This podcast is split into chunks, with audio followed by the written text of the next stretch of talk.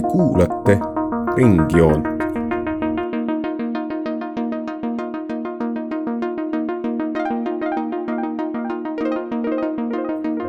joon ringis. tere, head kuulajad! seoses Valgevene hübriidkriisiga ning mitmete teiste hõõguvate konfliktidega on paslik rääkida sellest, kuidas on sõjapidamine ajas muutunud ja milline näeb välja sõda kahekümne esimesel sajandil selle teema avamiseks on sündinud järjekordne koostööseade Tartu Ülikooli rahvusvaheliste suhete ringi podcasti Ringjoon ja Postimehe taskuhäälingu Maailm taskus vahel. Tartu stuudiost ühinevad meiega Solveig Niitra. tere! ja Jan-Lukas Videvik. tervist! mina olen saatejuht Margus Parts. sõda ei tähenda enam ammu tingimata haubitsaid ja rinnet hoidvaid sõdureid, pigem näeme üha enam konflikte, kus üritatakse vastast mõjutada kas ainult või peamiselt hübriidvahenditega loomulikult ei ole kuhugi kadunud ka niinimetatud kuum konflikt, kuid äh, täna on vaatluse all pigem taktikad, mis ei kuulu traditsioonilise sõjapidamise arsenali. et kui see hästi laialivalguv teema kuidagi äh, sisse juhatada,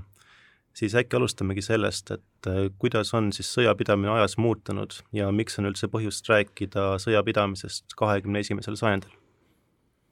võib-olla teeme otsa lahti sellest, et missugune on inimeste nagu arusaam siiamaani olnud sellisest noh, kuumast konfliktist, suurest sõjapidamisest. et äh, meie üleüldine mälupilt on hästi tugevalt seotud kahekümnenda sajandiga, hetk, mil käisid üle siis kaks maailmasõda, oma olemuselt olid nad totaalsed sõjad, ja siis kahekümnenda sajandi vältel sellised äh, hästi äh, formalistlikud äh, sõjapidamised hakkasid vaikselt ära kaduma ning sisuliselt tuhande üheksasaja üheksakümnendateks olid need juba muutunud selliseks täiesti ebapraktilisteks viisideks, kuidas siis oma objektiivide nagu või eesmärkide elluviimiseks, kuidas oma eesmärke ellu viia. ja see tuleneb hästi selgelt sellest, et alates neljakümnendatest on siis niinimetatud välja kuulutatud sõda riikide vahel on äh, sisuliselt kadunud need viimased suuremad sellised äh, sõjapidamised olid näiteks Iraagi-Iraani sõda ja ka siis äh, sealt edasi juba võime rääkida ainult nagu teatud määral ametlikust sõjast, noh, Jugoslaavia sõjad ja sealt edasi juba kahe tuhandendasse Iraagi konfliktid ja Afganistani sõda näiteks ma arvan, et oluline pöördepunkt on olnud ka just nimelt äh, see sõda terrorismi vastu, mis on siis äh, selgelt kahekümnenda sajandi lõpust ja kahe tuhandendate algusest pärit, näiteks siis kas või nine eleven on, äh, on muutnud sellise sõjapidamise õigustuseks terrorismivastase sõja, et, et seda me näeme väga paljudes tänapäevastes konfliktides, kus konkreetselt tuuaksegi välja, et me sõdime või nagu meie sõda on õigustatud, sellepärast et me seeläbi võitleme terrorismi vastu. jaa, aga seda lihtsalt enam ei nimetata sõjaks, et seda nimetatakse võitlust või mm, -hmm. või mingit muud moodi arvete klaarimiseks justkui ülevalt alla kontekstis. et sul ei ole enam olemas sellist konflikti, mis või noh, ütleme, et need on väga harvaks muutunud, sellised konfliktid, kus kohas üks riik tunnustab teist osapoolt või seda osapoolt, kelle vastu ta siis sõdib, kui nagu võrdset, et ta on tihtipeale siis pisendatud siis a la terroristlikuks organisatsiooniks või mingisuguseks muuks äh, iirduvaks organisatsiooniks, et mida ei saa väga hästi kastitada selliste klassikaliste äh, rahvusvaheliste äh, terminite järgi ja et nagu nende alla kuulub ka siis see, et, et riik riigi vastu sõja pidamine on illegaalne ja et äh, selle, äh, selle vastu lihtsalt nagu seda ei saa enam nagu sellises rahvusvahelises praktikas enam läbi viia. jah, terrorivastane sõda tähendab äh, ka seda, nagu sa välja tõid, et sul ei ole sisuliselt enam sõja olemus ei ole territoriaalne, vaid sõda on liikunud hoopis, hoopis laiemasse valdkonda ja, ja sõja eesmärgid on palju laialivalguvamad, aga võib-olla sellega seoses peakski rääkima sellest, et kuidas siis äh, saavutada üldse konfliktides strateegilist edu vastasele no see sõltub sellest jah, et äh, mis on äh, konflikti iseloom, et kui, kui me räägime näiteks siis äh, Tigray konfliktist, mis on praegu siis selline kuum konflikt, kui seda niimoodi võib nimetada, siis seal on strateegiline edu Tigray jaoks on, on siis ilmselt see, et tahetakse minna tagasi sellesse olukorda, kus nad nagu varem olid, kus nad olid valitsuses, kus nad olid nagu selline juhtiv organ ja seeläbi noh, tegelikult nad peaksid siis oma piirkonnast sõja abil siis välja liikuma, nad peaksid tagasi saama pealinna ja seeläbi nagu sta-, siis taastatakse, eks ole, staatus quo. aga strateegiline edu sellistes pidevamates konfliktides nagu, mis, kus ei olegi sellist kuuma konflikti kui sellist äh, väga tihti näha, näiteks siis Iisraeli-Palestiina vahel äh, olev konflikt, et, et seal on see strateegiline edu on palju keerulisemalt määratletav, et äh, mulle endale tundub, et see strateegiline edu tähendab seda, et et Iisrael üritabki sellist noh, tavalist Palestiina tsiviilelanikku võimalikult palju heidutada, neilt võetakse ära, eks ole, kodusid ja nii edasi ja, ja nagu strateegiline edu ongi lõppkokkuvõttes eesmärgiks olekski siis nagu palestiinlaste täielikult sealt, sealt aladelt nagu väljasöömine. et, et pigem ikkagi mulle tundub, et kasutatakse erinevaid meetodeid, et noh, strateegiline edu oleks siis öö, oma piiride kas tagasivõtmine või laiendamine jah, no, no strateegiline edu on vastavalt iga osapoole enda määratleda. noh, nagu Tigraide puhul, et, et varasem status quo on nagu see, mis, mis nagu nendele eesmärgipärane on ja, ja nagu noh, a la Omorodele sealsamas Tigrai konfliktis, praegult Etioopia Tigrai konfliktis on siis nagu ilmselt hoopis uued eesmärgid võimalikud, et aga nagu strateegilisuse elementi väljaspool seda territoriaalset on, on ikkagi noh, võib ju äh, teatud määral ikkagi taandada sellisele võimuküsimusele, kus on sul võimu ja mõjuvõimu äh, siis noh, läbi viimaks oma poliitikat või oma eesmärke noh, teatud territooriumil, et, et nagu see on nagu sõjapidamise siiamaani ikkagi väga nagu keskne roll, et või keskne osa. et, et sul ei ole enam ähm, või noh, ütleme niimoodi, et see ei ole kusagile kadunud, et, et, et sul nagu see sõjapidamine käiks ainult lihtsalt äh, mingisuguste hüpoteetiliste ressursside või hüpoteetilise nagu mingi ideoloogilise eesmärgi nimel, vaid et nagu sul on ikkagi väga realistlikud äh, tagamaad ka sellele, et mida sa äh, siis nagu jah, tahad saavutada mm. -hmm. ma ütleks veel seda, et noh, see ülemvõimu saavutamine on minu arust nendes konfliktides ülioluline, et nagu üks pool tunnebki, et nendel on õigus siis äh, ülemvõimule mingis piirkonnas ja, ja selleks, et seda näidata, tegelikult kasutataksegi selliseid meetodeid, mis, mis võib-olla meile tunduvad äh, ebatraditsioonilised võib-olla. no õigusküsimus see väga ei saa olla, sellepärast et äh, noh, selline klassikaline a la Clausewitslik sõjapidamise viis ongi lihtsalt see, et et sa tahad oma tahet suruda vägivaldselt või mis iganes muudel meetoditel teise peale ja tihtipeale tähendab see siis noh, verist või, või relvastatud konflikti, kus siis lõpuks sinu jõud käib teisest üle ja siis sina saad oma õigust luua. noh, varasemalt nagu a la Euroopa ajaloos oli see, oli see ikkagi vägagi levinud viis, kuidas noh, tõesti nagu a la Saksa-Prantsuse sõjad, Saksa-Vene sõjad, nii edasi, et nagu see kõik noh, neid meetodeid kasutades loodigi lihtsalt oma õigust ja see alles nagu kahekümnenda sajandi jooksul ja nüüd vastu kahekümne esimest sajandit eriti nagu selle iseloom on niivõrd palju muutunud, et et sa ei saa enam rääkida sõjalisest õigusest, sest et sõda ise enam pole õiguslik tegevus. kui siit nüüd mõte üles korjata, siis äh, noh, sisuliselt äh, sõjapidamine väga tihti ei ole enam armee armee vastu, et ei ole enam see, et on äh, kaks armeed rindejoonel, eks ole, kes siis territooriumi kontrollimise pärast võitlevad, vaid sisuliselt on ju sõjapidamine väga palju üle liikunud ka tsiviilvaldkonda, et üritatakse kasutada erinevaid meetodeid, kuidas tsiviilelanikke heidutada, kuidas siis äh,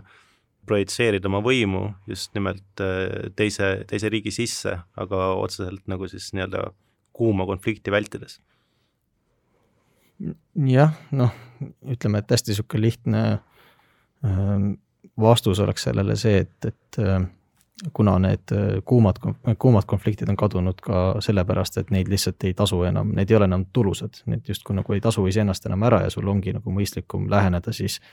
noh, tänapäeval siis niinimetatud hübriidvariantide kaudu, et, et sa hakkadki noh, nagu just nimetasid neid äh, tsiviilelanikke või, või nagu teise riigi infrastruktuuri või teise piirkonna või kuidas iganes sa seda teist osapoolt määratled, äh, mõjutama.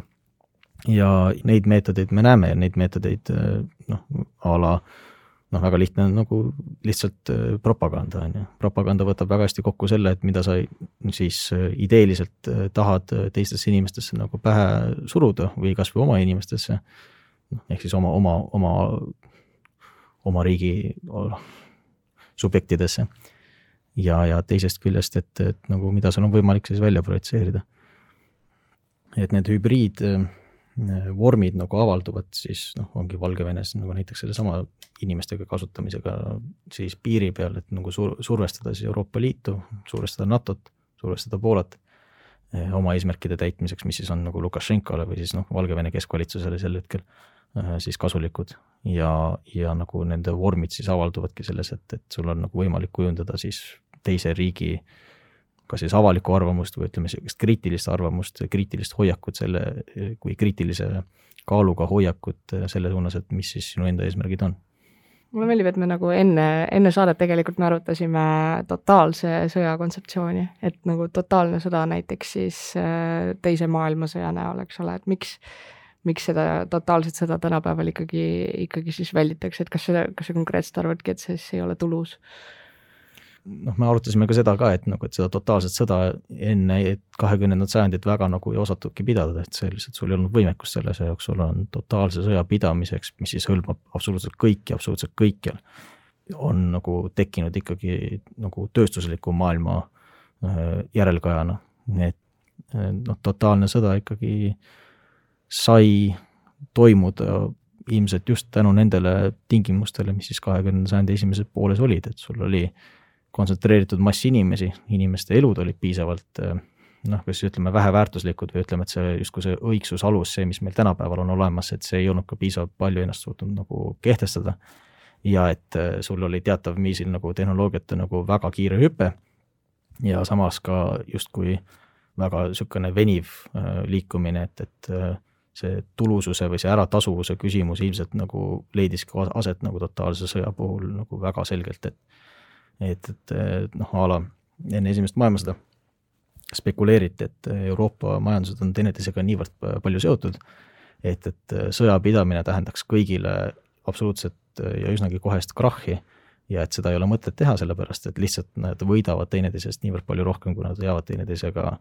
rahu peale. seesama siis äh, ei, ei osutunud tõeks et, et äh, esimeses maailmasõda said äh, riigid täiesti rahulikult minna teineteise vastu sõtta, just nagu industrialiseerunud äh, ühiskonnad, nagu näiteks Saksamaa suutis oma reservid ja oma ressursid mobiliseerida täielikult sõjapidamiseks niimoodi, et, et, et tsiviilelanikud võtsid ka väga suuresti osa sellest, mis siis nagu see rindel tegevus toimus. ja tulemus oli siis noh, ka riigi totaalne kollaps pärast seda. et, et sul ei olnud noh, ja seda, see juhtus ka Teise maailmasõja ajal, et, et nagu see äh, ütleme niimoodi, et see on totaalne sõda on justkui nagu selle kõikide panuste nagu mängu panemine ja siis kas sa nagu võidad või sa sured, et noh, seal on. aga samas on huvitav, sellepärast et tänapäeval tegelikult ju konfliktid on minu arvates muutunud palju rahvusvahelisemaks, et varem olidki võib-olla pigem sellised regionaalsed, hõlmaski võib-olla Euroopat, aga, aga tänapäeval, kui on ikkagi mingisugune konflikt, ärme, ärme ütle siinkohal isegi, ma arvan, sõda, aga kui on kui on näiteks kas või siseriiklik konflikt äh, siis valitsuse ja mingisuguse vähemuse vahel, siis väga tihti muutuvad need äh, ÜRO probleemiks, need muutuvad rahvusvaheliseks probleemiks ja põhimõtteliselt hakatakse ülemaailmselt tegelikult tegelema ka nende osapoolte sanktsioneerimisega, et, et samas noh, kas äh, selline totaalne sõda ikkagi noh, seda ei eksisteeri kuuma sõjana, aga kas see eksisteerib nagu hübriidsõjana? see põhjus, vaata, miks rahvusvahelisel kogukonnal on olnud rohkemat öelda just nagu viimaste aastakümnete või ütleme, et kahekümnenda sajandi keskpaigust alates selle üle, mis toimub kusagil kas riikide vahel või riigisiseselt konfliktina, on sellepärast, et lihtsalt rahvusvahelisel kogukonnal on tekkinud väga palju rohkem niisugust jõudu nagu ennast kehtestada. et äh, see on see nagu seesama selle sidususe argument, et nagu kui enne esimest maailmasõda sul oli see sidusus nagu justkui tundus olevat piisav, tuli välja, et ei olnud,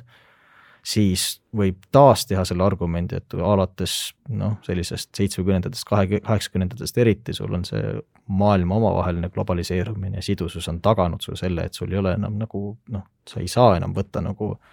üksikisikuliselt äh, seda otsust vastu, et nüüd ma lähen tegelen oma selle vähemusega või ma nüüd ma lähen tegelen selle teise riigiga seal või niimoodi, on ju, noh näiteks noh, Saddam tegi seda Kuwaidiga, sai omale kohe USA väed sai endale kaela. ja noh, hiljem samamoodi.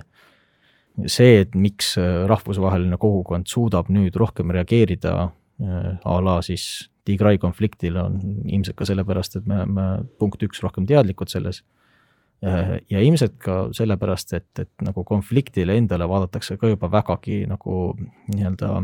halvustavalt silma, et, et sul ei ole enam osapooli, kes nagu justkui õigustavad seda konflikti enda olemasolu äh, puhtalt sellepärast, et ta teenib mingisugust lõppeesmärki, vaid et nagu konflikti ennast nähakse niisuguse ülima pahena ja ilmselt see tuleb ka lihtsalt sellest äh, kahekümnenda sajandi kogemusest ise välja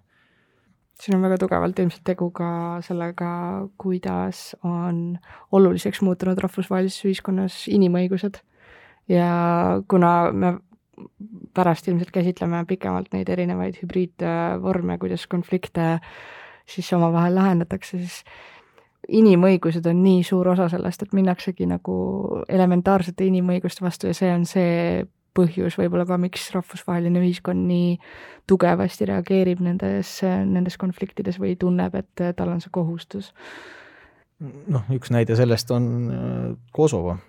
et äh, tuhande üheksasaja üheksakümne üheksandal aastal põhimõtteliselt siis NATO väed pommitasid Serbia vägesid äh, täiesti esmakordselt võttis NATO proaktiivse äh, suhtumise siis mingisugusele regioonile, mingisugusele konfliktile, milles nagu NATO otseselt seotud ei oleks saanud olla. ja see tulenes lihtsalt sellest, et äh, noh, heideti siis ette niisugune asi, mille nimi on responsibility to protect, on ju, ehk siis nagu kohustus kaitsta ja siis nagu sulgudes võib öelda, et teisi inimesi oma või, või siis nagu nii-öelda rõhuva riigi repressioonide eest, olgu need siis puhtfüüsiliselt nagu seda, et, et see inimene kaob siit maamunalt ära või et, või et nagu natukene laiemalt, et äh, on see siis nagu seotud üleüldiste inimõigustega. Äh, aga siitkohalt oleks huvitav äh, mõte edasi tüürida sel, sinna valda, et kui enne käis jutt, et sõjapidamine ja konfliktid muutuvad oma olemuselt järjest rahvusvahelisemaks siis tegelikult ju üks aspekt sellest äh, konfliktis edu saavutamisest on ka see, kuidas mõjutada rahvusvahelise avalikkuse arvamust. et äh, äkki räägime natukene sellest? no esimene mõjutamise koht on, on kindlasti rahvusvaheline meedia, et kuidas üldse konflikte kajastatakse, kas neid konflikte kajastatakse et äh, tegelikult on ju väga mitmeid konflikte, millest äh,, millest me väga ei kuule, mida väga ei kajastata või kui kajastatakse, siis on, seda tehakse väga tihti hästi mustvalgelt. ja, ja seetõttu ka rahvusvaheline ühiskond on väga tihti võtmas äh, sellist ühte hoiakut mingisuguse konflikti suhtes et saad öelda niimoodi, et meedia mõjutab põhimõtteliselt seda rahvusvahelise kogukonna vaadet äh, konfliktile endale? ma ütleks, et meedia mõjutab äh, tsiviilelanikke äh,,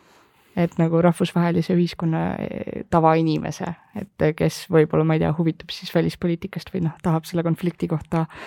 lugeda, et, et äh, neid kindlasti meedia mõjutab. aga kui me räägime ikkagi nagu riikidevahelisest suhtlusest, siis pigem, pigem ma ütleks ÜRO ja rahvusvahelised organisatsioonid on, on see kes nagu seda arvamust kujundavad. jah, nad arbitreerivad seda suhteliselt palju, kusjuures siin on veel vahemärkus, et tsiviilelaniku tähendus on ka totaalse sõjaga nagu muutunud. Ja, ja see on muutunud ka praeguste konfliktide suhtes niimoodi, et sul ei ole enam sul ei ole enam täielikult kõrvalseisvat osapoolt, et, et kui noh, kahekümnenda sajandi jooksul, eriti maailmasõdades oli sul lihtsalt see, et, et iga inimene oli mingit pidi noh, ütleme siis ressurss, mida siis sai kasutada või mida sai hävitada siis, siis nüüd on nagu see, et, et tsiviilelanik on selline mõnus hall tsoon nendele noh, kombatantidele osapooltele, et, et nagu kas, kas siis nagu õigustada või, või seada kahtluse alla siis teise tegevusi. et, et aga, aga nagu seda, et kas nagu rahvusvahelise meedia või meedia kajastatus justkui nagu oleks see põhiline väljund selleks, et mis, kuidas siis ähm,, kuidas siis avalikku arvamust nagu kujundatakse, siis, siis nagu ma arvan, et see on ainult nagu tükk sellest, et nagu kindlasti on teine, teine pool on sellest ka, et nagu missugune see üleüldine hoiak juba olemasolevalt on olemas. et, et äh, sul on selle noh, konkreetselt selle viimase sajandi jooksul välja kujunenud teistsugune praktika, mismoodi üldse vaadata nagu sõjapidamist, mismoodi üldse vaadata konfliktide lahendamist ja, ja konfliktide enda nagu noh, manageerimist. ja, ja nagu noh, noh, eks see on nagu eel, eelnevalt mainitud ka, et sul ei ole enam äh,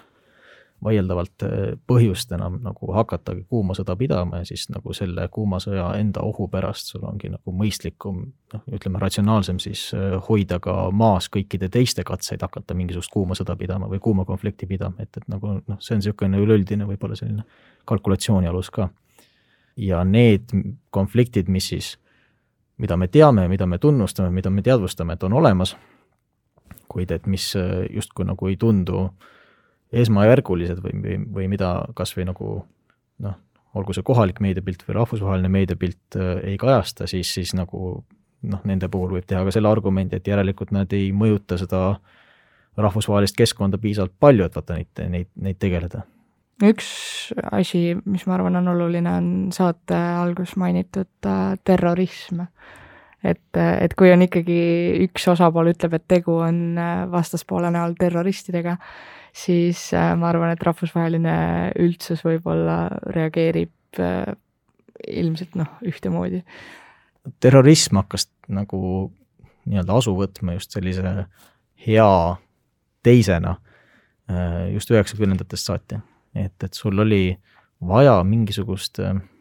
noh, mingit vastast, eriti USA-l, siis kui nagu liit langes, USA jäi hegemooniks siin maailmas ja siis järsku oli tal nagu võimalust äh, tegutseda maailmas mis iganes pidi ta tahtis. otsustati siis äh, juhtkonna tasemel niimoodi, et me tegeleme siis äh, rahvusvahelise rahu levitamisega, võimaliku nagu kindlustamisega selleks, et maailm oleks tasakaalus,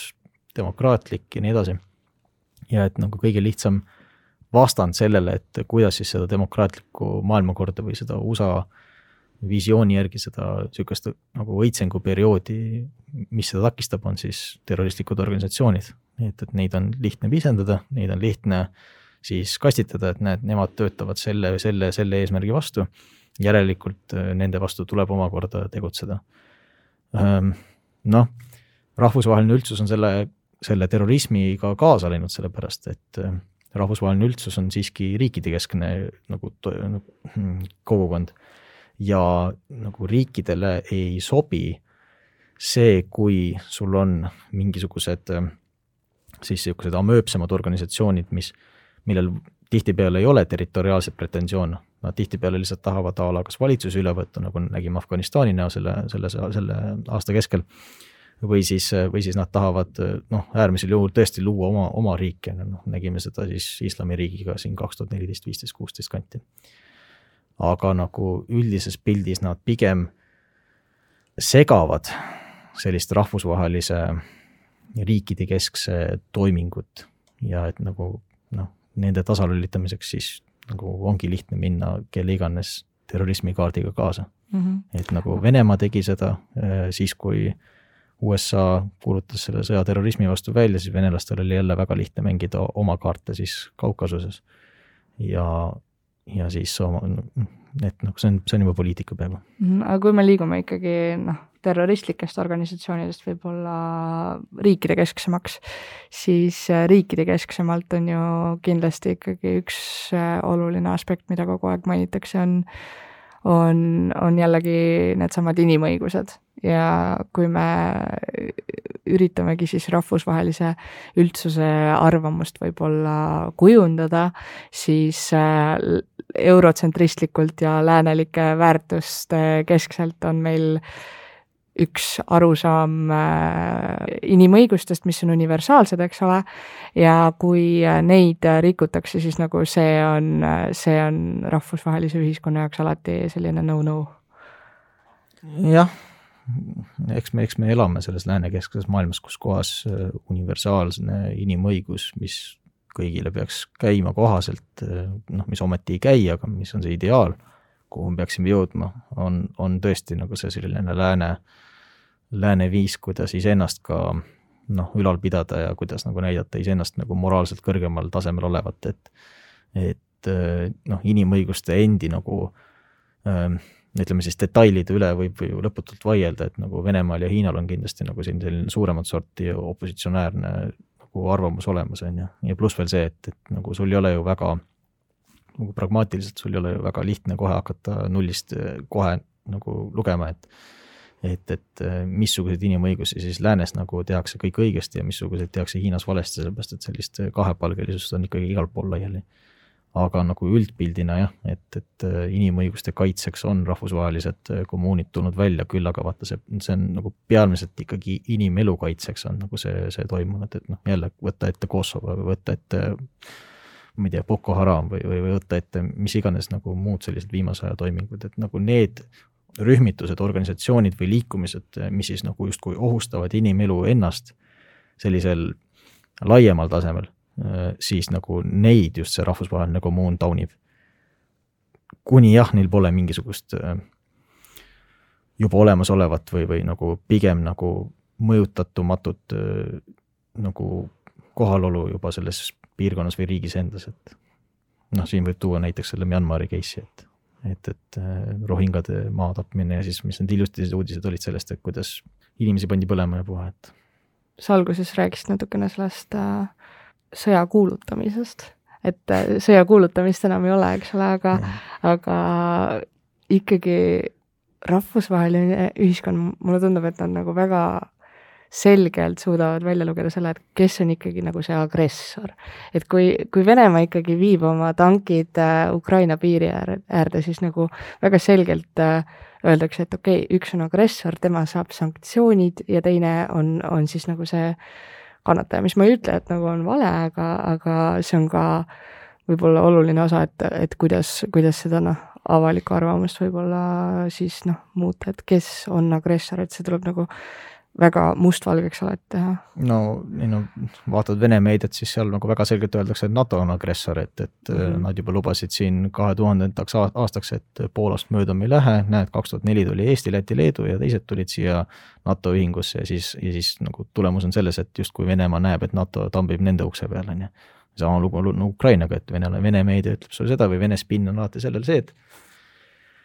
et, et see, mis Ukrainas toimub, on, on juba olemasolevalt nagu NATO agressioon ning et meie lihtsalt oma mis iganes numbrite väega siis lihtsalt kaitseme iseenda piire või kaitseme iseenda huve. et, et neil ei ole silmagi pilgutamata, nad teevad selle argumendi ja nagu noh, see käib iga riigi kohta, see käib absoluutselt iga nagu selle konflikti osapoole kohta. sul ei ole universaalset nagu vaadet sellele, kes on agressor ja kes ei ole, sellepärast et mitte keegi ei taha iseennast agressorina näidata. Need ajad on tõesti möödas mm, -hmm. nagu, mhm. nagu sel hetkel siis, kui sa nagu võisid öelda, et sa oled agressor, oligi sel hetkel hetkel, kui sa said sõda kuulutada formalistlikult. aga seda lihtsalt enam ei tehta, seda, seda lihtsalt enam ei ole võimalik teha. või noh, ütleme niimoodi, et praeguses kontekstis seda ei ole võimalik teha, et, et nagu kas niisugune, kas selline sõjapidamise viis võib kunagi tagasi tulla, noh, ma ei tea, aga et nagu hetkel me sellises maailmas ei ela see on jah, lõppkokkuvõttes ikkagi minu arust läheb see, et äh, kellel on ikkagi kõige rohkem erinevaid rahvusvahelisi leppeid, kas siis bilateraalseid või multilateraalseid, sellepärast et nagu see saab kõige rohkem legitiimselt seda narratiivi tegelikult luua. jah, ma tahtsin eh, tegelikult vahepeal vahele pista täpselt sellesama mõtte iseenesest, et mm, kui me vaatame seda rahvusvahelise avalikkuse arvamuse mõjutamist, siis väga olulised on organisatsioonid nagu ÜRO näiteks, kus tehakse ju väga aktiivset lobi enda narratiivi edendamise nimel ja oleme ju viimaste aastakümnete jooksul või võib-olla isegi konkreetsemalt, et viimase viie aasta jooksul näinud väga palju seda, kuidas Hiina näiteks äh, push ib enda narratiivi ÜRO-s ja mida on rääkinud ju äh, teiste riikide diplomaadid, et kuidas pidevalt mingisugune sahistamine seal käib ja ja see on edukas selles suhtes, et äh, võib ju arvata, et, et mis sees ära ei ole, et et üritatakse jah, mingisugust propagandat teha, aga sisuliselt äh, point ongi ju täpselt selles, et et sa võidad äh, teisi riike enda narratiivi taha ja mida rohkem sul on toetajaid, seda vähem pead sa tegelikult reaalselt ju pingutama, et enda siis mis iganes strateegilisi eesmärke saavutada. jällegi mina taandaks lihtsalt selle, noh, võib, võib lihtsalt vaadata läbi selle lihtsalt jõumeetodi prisma, et, et sul on, sul on võimalik Äh, sul on seda rahvusvahelist äh, niisugust jõudu ja mõjuvõimu juba niivõrd palju, et sul on võimalik oma neid narratiive hakata peale pressima. seda asja kindlasti Hiina ei oleks saanud neljakümne või viiekümne aasta eest teha, mida ta praegu Taiwaniga teeb või, või, või seda, mida ta nagu äh, pretendeerib siis Xinjiangis või, või,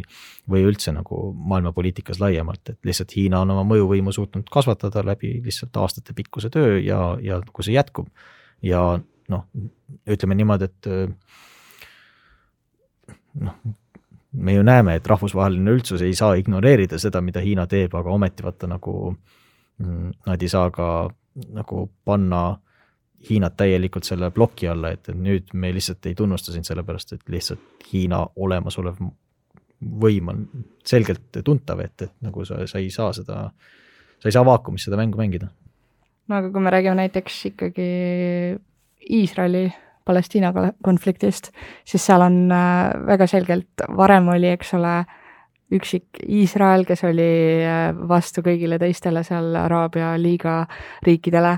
Ja siis nüüd on tegelikult järjest äh, Iisrael hakanud sõlmima neid erinevaid bilateraalseid kokkuleppeid siis Araabia liiga riikidega. Ja seeläbi tegelikult nagu järjest võetakse ära Palestiina liitlasi ja see on nagu ülistrateegiline mäng. noh, Iisrael teeb teiste riikidega seda tööd, et ta pisendab siis Palestiinat ennast mm, -hmm. nagu kõige lihtsamalt seda võtta, et Palestiina enam Iisraeli jaoks ei noh, või õigemini õige varsti ei pruugi enam üldse niisugune riigihakatise laadne asi olla, vaid et ta on lihtsalt selline niinimetatud terroristlikeks organisatsioonide hulka nagu juba sellisesse massi kuuluv noh, kamp aga nagu see rahvusvaheliste lepete olemasolu, noh, see sõltub sellest, et äh, kui palju sul on seda jaksu seda kõike nagu toimetada, et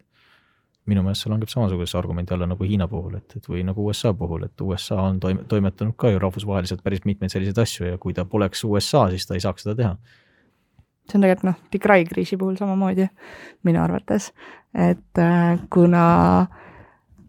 lääneriigid on tegelikult Etioopiat alati vaadelnud kui sellist noh äh,, kanna kinnitamise punkti Aafrikas, eks ole, siis äh, see on tegelikult pannud Etioopia rahvusvahelisest üsna tugevasse positsiooni, pluss ka Aafrika Union ehk siis nagu regia-, regionaalne selline ühendus, see on enamjaolt ikkagi Etioopias on, on see peakontor, Etioopia on väga suur otsustaja seal ja nagu seeläbi tegelikult on selle Tigray kriisi või nagu tigrinjade hävitamiseks võib-olla see noh, ma ei ütle, et noh, ettekääne, aga aga selline lobitöö on suuresti ära tehtud, seeläbi, et neil on nii suur rahvusvaheline mõjukus. jah, ja rahvusvahelisel kogukonnal on ilmselt lihtsam võtta keskvalitsuse Addis Ababa juhtnöörist kinni ja minna sellega kaasa, sest et see on lihtsam. see räägib ka vastu sellele nagu, et niisuguse puhta inimõiguslikkuse argumendile, et, et kui sul on jah, kui sul on need lepped olemas ja kui sul on see mõjuvõim olemas, siis miks mitte, noh. võidki teha kahepalgeliselt päris mitmeid asju, mis noh, siiamaani maailmas toimuvad. või siis Poola-Valgevene, kummal on rohkem leppeid? Poolal on rohkem leppeid, rahvusvaheline ühiskond on enamjaolt ikkagi Poola poolt. nojah, oleks ilmselt Poola oma kaarte võib-olla teistmoodi mänginud juba varasemast ajaloost või, või ütleme niimoodi, et näiteks poleks Valgevene, nagu Valgevene on selline täiesti noh, ütleme täiesti paariariik praegult Euroopas ja, ja nagu kogu selle noh, riigikorraga, mis seal praegu toimub, et, et siis, siis võib-olla oleks seda rahvusvahelist sümpaatiat Poola poole vähem, et, et tegelikkuses ju Valgevene see noh, ütleme käigud siis äh, Poola peale ja ütleme siis nagu, või siis nagu see laiem nagu Valgevene Euroopa Liidu konflikt ei ole ju väga palju erinev sellest, mida näiteks äh, noh, mis on, mis näiteks Türgi vaata on, on etendanud siin viimaste aastatega Euroopa Liidu vastu ja nii edasi. et, et need on lihtsalt niisugused jäigemad ja võib-olla natukene nagu vähem, vähem efektiivsed ja vähem äh, nagu kandapindvad nagu käigud, mida Lukašenka on teinud, aga, aga nagu oma iseloomult on need üsnagi sarnased vahepeal nagu sellise väljapressimisega, mis nende lõppkokkuvõttes see eesmärk oli. et kui Türgi sai oma miljardid, sai Euroopa Liidult kätte sel hetkel, et nagu hoida tagasi migrante siis äh, tulemast Euroopasse, siis nagu Valgevene näeb praegu umbes samamoodi, et ta tahab neid sanktsioone omale nagu leevendada läbi selle, et ta paneb Euroopa Liitu lihtsalt sellise hästi keerulise humanitaarse dilemma, et, et, et noh, Euroopa Liit on ju pikalt nagu ennast käsitlenud kui, kui ikkagi humanitaarset jõudu ja nüüd ta ometi nagu lükkab neid inimesi läbi Poola siis või noh, Poola näol lükkab siis oma piirilt tagasi. et võib-olla siis noh, konkreetsemate näidete juurde minna, et, et mis ikkagi on siis selline hübriidsõda, et äh, ma ei tea, hakkame järjest pilduma üksteisele, et, et neid erinevaid näiteid, et mu lemmiknäide on muidugi see Tigray sõda, Tigray konflikt, et äh, et seal on minu arust oluline näiteks see, et äh, on tekkinud selline infoblokaadi võimalus, et, et on siis Etioopia keskvalitsus eesotsas Abiy Ahmediga, kes äh, konkreetselt on siis äh, ära võtnud mitmel korral kogu piirkonna interneti pääsemise võimaluse, eks ole. ja seetõttu ei liigu info ei riiki sisse ega ka riigist välja ja see tegelikult aitab äh, keskvalitsusel esiteks luua seda narratiivi, millel me enne peatusime, ja teiseks on näiteks ka huvitav asi on see, et nad, äh, see info, mis siis jõuab Tigray ja Etioopia inimesteni, see läbib faktikontrolli. Ehk siis nagu põhimõtteliselt äh, narratiivi ei, ei looda mitte ainult nagu rahvusvahelisele ühiskonnale, aga seda luuakse ka konkreetselt äh, sisepoliitiliselt ja pannaksegi paika, et mis on, mis on siis nagu tõsi ja mis, mis ei ole tõsi ja seda tehakse konkreetselt äh, äh siis äh, keskvalitsuse suve järgi. vana aja tsensuur, et äh, siin nagu see sisepoliitiliselt toimub väga hästi. meil on võib-olla siis noh, terminid on muutunud, aga tegelikult olemus on suht paljusti tegelikult sama. jah, noh näiteks Kashmiri puhul oli, oli samasugune case nüüd äh, äkki vist poolteist aastat tagasi, et äh, Äh, Covidi äh, nagu esimese laine ajal toimus just nagu siis Kashmiris ka äh, konflikti nagu intensiivistumine ja siis sel hetkel oli niimoodi, et Modi eesotsas siis tol hetkel siis Delhis, et võttis otsuse vastu, et nüüd Kashmiri lükkame internetist välja. Ja lihtsalt kogu regioon läkski minema, et, et sul ei olnud nagu enam võimalik seal internetti saada, sul olid ainult nagu siis nagu kas siis äh, tõesti isiklikud satelliitviisid, kuidas sa said sealt nagu ligi, aga nagu põhimõtteliselt kogu nagu regioon oli lükatud äh, siis äh, ajuti äh, lihtsalt infoblokaadi sisse ja, ja nagu see häiris mitte ainult noh, ütleme siis seda informatsiooni ligipääsemist, vaid väga-väga nagu elulisi asju, nagu näiteks, et noh, a la nagu noh, mitte ainult meilimajandus, aga tõesti nagu kuidas lihtsalt see piirkond toimib. ja, ja nagu sellel on väga, väga selged põhjused nagu, et miks, miks see info, infoblokaad iseenesest on juba niisugune väga reaalne viis, kuidas mõjutada asju, mitte ainult enam narratiive, vaid nagu seda, et mismoodi üldse nagu a la haiglad ja, ja nii nagu õiguskaitse või, või nagu noh, kohalik logistika üldse nagu toimida saab, et teine äärmus tegelikult on äh, Iisrael, et Iisrael küll netti välja ei keera, aga, aga see, mis nemad teevad, on see, et nad väga tugevalt monitoorivad seda, mida, mida siis nagu Palestiina poole öeldakse. et näiteks, kui ongi mõni palestiinlane äh, näiteks siis läänekaldal kasutab hashtag'i Free Palestine, siis neil on reaalne oht äh, sellepärast nagu vangi sattuda, sellepärast et kõiki elanikke väga tugevalt monitooritakse sotsiaalmeediaplatvormidel kui ka nagu üleüldse internet on nagu väga-väga tugev äh, asi, mille abil kontrollida. kui ma ise käisin Palestiinas ma läksin läbi Iisraeli ja ma olin koos oma õpetajaga, kes on siis äh, Alžeeriast pärit. ja see, mida nad teevad, ongi see, et kui sa lennujaama lähed, nad võtavad, need Araabia päritolu inimesed võtavad äh, kõrvale ja siis nad äh, võtavad neilt nende isikuandmed ja nad võtavad nende meiliaadressi ja nad kontrollivad väga tugevalt läbi, meiliaadressid on ju enamasti ka sotsiaalmeediaga selles mõttes seotud. ja nad kontrollivad kõike läbi, et kas, kas tegu on Iisraeli riigi vastasega näiteks, et kas, kas ta teeb Palestiinale mingisugust äh, lobitööd, kas ta, kas ta on ohuks siis äh, nende arvates siis Iisraeli julgeolekule. et seal on just see monitoorimine, et seal küll ei võeta seda võimalust ära internetti ja erinevaid platvorme kasutada, aga seda jälgitakse, ehk siis nagu sa seal, seal tekib selline enesetsensuuri moment, et sa ei julgegi seda kirjutada, sest et kui sa peaksid selle pärast vangi sattuma, sa oled mustas nimekirjas, sa ei saa enam riigist lahkuda. nojah, kõige ehtsam must nimekiri on siiamaani Hiinas ikkagi, et see sotsiaalne krediidiskoor ja siis, kui sa piisavalt palju tipid Tianmeni väljakut kusagil Hiina serverites sisse, siis sa saad, saad teatavasti kohe endale politseinikud ukse taha, et, et võib-olla tugevama infrastruktuuriga riigid saavad seda just noh, teistpidi siis teha, et sunnivadki inimesed enesetsensuuri või noh, sunnivad inimesi olema võib-olla, ma ei tea, loovamad. no Hiina on jah, võib-olla anomaalia veel veel selles, selles asjas, aga nagu see on ka sellepärast, et lihtsalt, et internet iseenesest on veel üsnagi värske leiutis ja, ja nagu sul ei ole olnud veel piisavalt palju aega, et need meedia, et meedia kättesaadavus või siis ütleme, interneti access äh, nagu oleks veel niivõrd nagu stampi vajunud, et sa saaksid seda asja ennustada ülimalt palju. noh, et nagu valitsused jõuavad kindlasti sellele tasemele ja, ja on jõudnud juba, aga nagu noh eks see mm. -hmm. üks äh, noh, kui võib-olla siit info sellest edasi liikudes, oluline asi, mida vist noh, väga-väga paljudes äh, tänapäevastes konfliktides saab käsitleda, on humanitaarabi, mitte, mitte isegi nagu humanitaarabi, aga nagu inimese fundamentaalsed õigused või nagu asjad, mis peaksid kõigil inimestel olemas olema ja see, kuidas ligipääsetavust, äh, ligipääsetavust nendele asjadele piiratakse. Ja ka näiteks noh, kui seda piiratakse ja rahvusvaheline ühiskond tahab siis saata sinna humanitaarabi, siis et, et nagu aidata neid inimesi, siis isegi seda piir-, piiratakse. et konkreetselt Tigray konfliktis äh, me saamegi rääkida sellest, et äh, piirkond on põhimõtteliselt erinevatest osadest ära lõigatud, on ju, sinna ei pääse sisse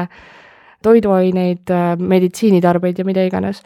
ja isegi siis humanitaarabi, mis tuleb rahvusvahelisest ühiskonnalt, isegi seda ei lasta sinna sisse. et see on väga-väga tugevalt kontrollitud ja sinna ei, ei jõua piisaval määral. et see on nagu selline, ma arvan, ülioluline asi, et kuidas siis noh, tsiviilelanikke heidutada no heidutada milleks, et heidutada siis sellest konfliktist hoiduma, on nagu sinu see vastus, jah? ma ütleks küll, jah mm -hmm.. noh, noh tõsi, tõsi jah, see on niisugune hübriidtaktika oma olemuselt, aga nagu noh, piiride sulgemine ja, ja siis äh, liikumise piiramine on tegelikult ju üks nagu niisuguse sõja essentse juba väga pikalt olnud, et, et sa pead kontrollima teatud territooriumit, kui me räägime siin Tigray puhul, siis me räägime territoriaalsest konfliktist siiski õnneks on ju. et, et see, see oma olemuselt on ikkagi väga äh, väga nagu kastitatav sellesse, sellesse raamistikku, et sa ikkagi kontrollid mingisugust maad, sa kontrollid ressursse, sa kontrollid informatsiooni, sa kontrollid inimesi, et nagu see mm. -hmm. ja Iisrael tegelikult teeb sama mm. -hmm. Iisrael kontrollib näiteks vett. et kõigil on vaja vett, et elada, aga kui sul konkreetselt ei jõuagi vesi äh, sinu riiki kohale või jõuab ma ei tea, kahenädalaste vahedega ja sul on äh, ma ei, ma ei, ma ei tea, kas kuulajad siin on Palestiinas kunagi käinud, aga kui sa sinna lähed, siis sul on nende majade katustel on äh, veepaagid. enamasti need on kummist, kummist on odavamad ja seal siis iga kahe nädala tagant äh, vahepeal hoi-, hoitakse ka suuremaid vahesid, et, et siis täidetakse need paagid ära ja sellest peab, peavad siis inimesed, sellest ühest paagist peab terve perekond siis nagu äh, põhimõtteliselt äh, kaks nädalat hakkama saama. Ja kui selle WHO äh, World Health Organizationi arvestuste järgi on, äh, on tegelikult Palestiinas alla iga pool, sorry alla igasuguse arvestuse tegelikult on see veel ligipääsetavus, et see peaks olema Äh, inimestel üle maailma noh, mingi paika pandud kogus ja Palestiinas on see alla igasuguse arvestuse. et noh, ressursid on nii äh, oluline asi, millega tegelikult saab, saab tõesti heidutada. konflikti mõjutada, jah ja. ega mul ei olegi midagi selle peale öelda, see on, see lihtsalt on niimoodi, et äh, sa püüad ju ära lõigata teiste, teiste osapoolte siis nagu ressursside ligipääsu selleks, et ise oma siis noh, võit garanteerida, et või noh, võimalikult palju soodustada.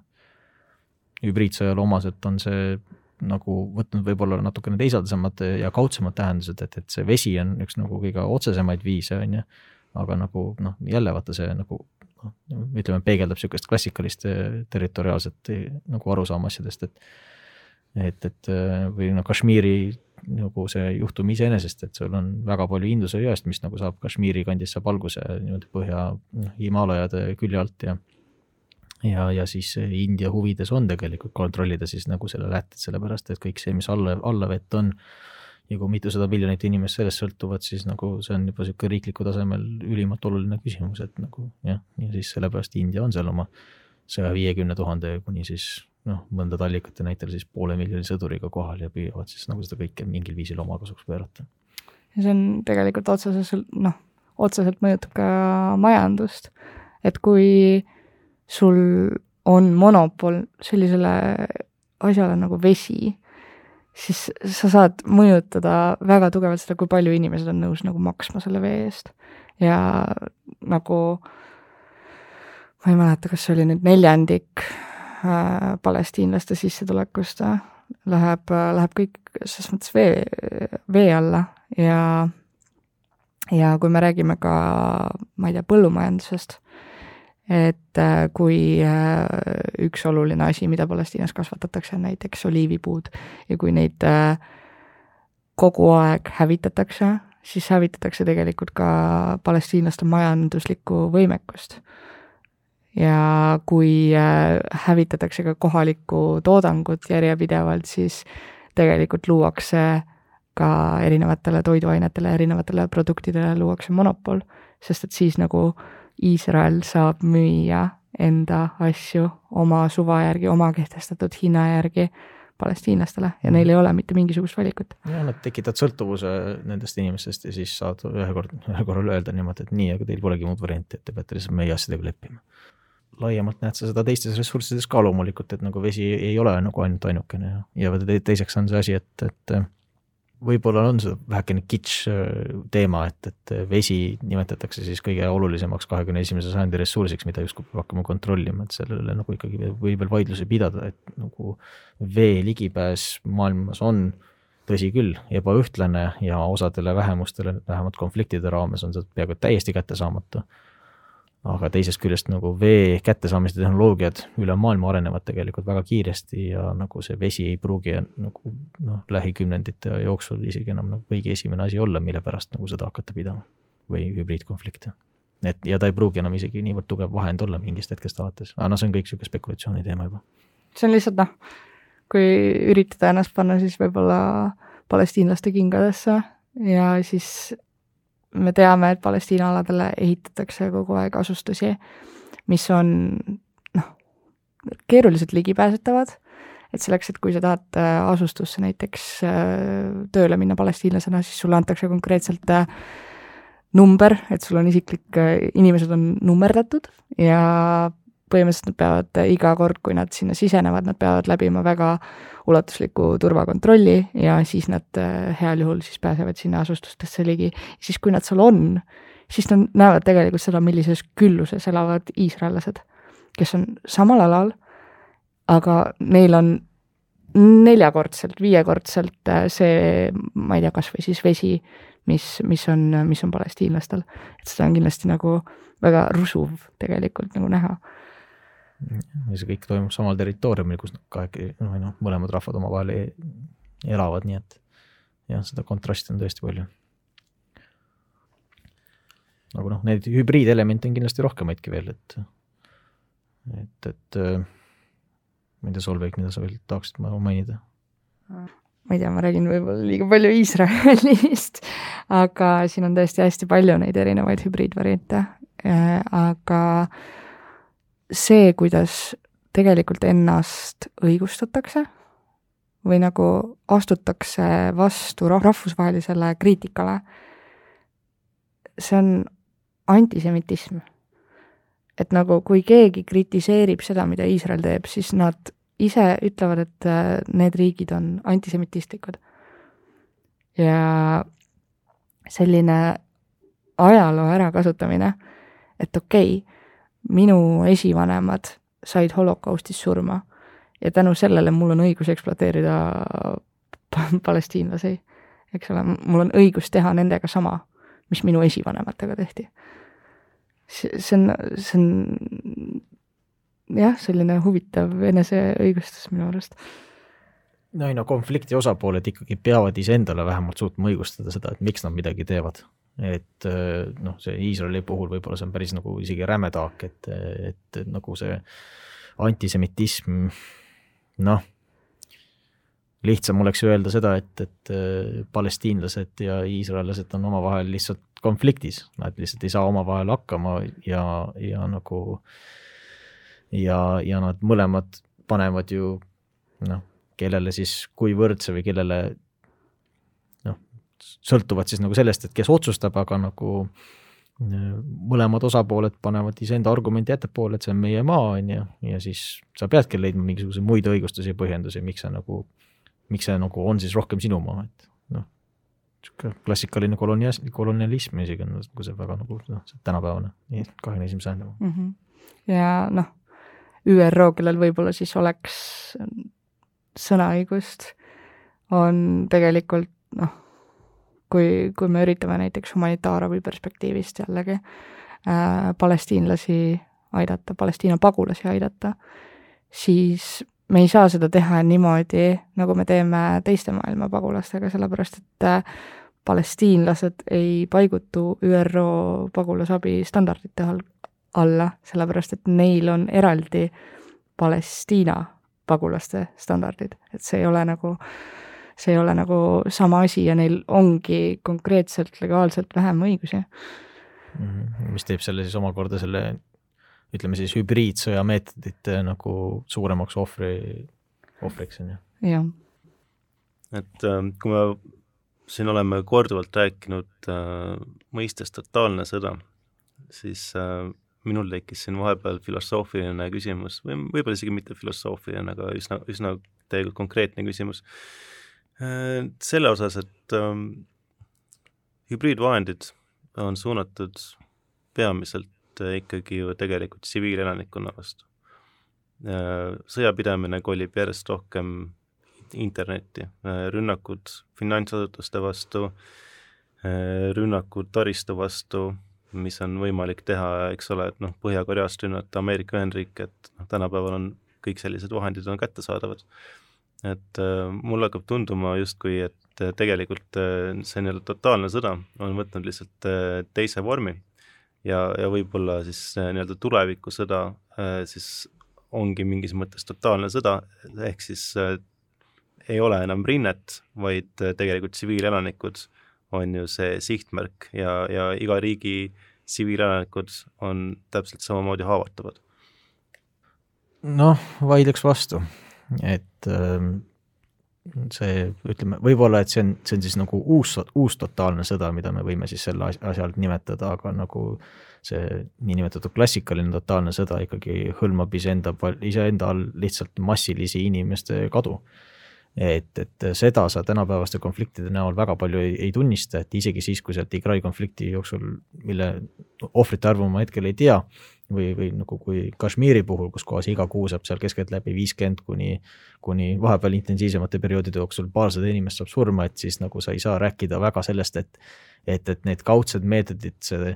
see või ütleme, kau-, kaudselt peale surutud meetodid tsiviilelanikkonnale oleksid siis nagu niivõrd totaalsed ja niivõrd hõlmavad, et see nagu mõjutaks nende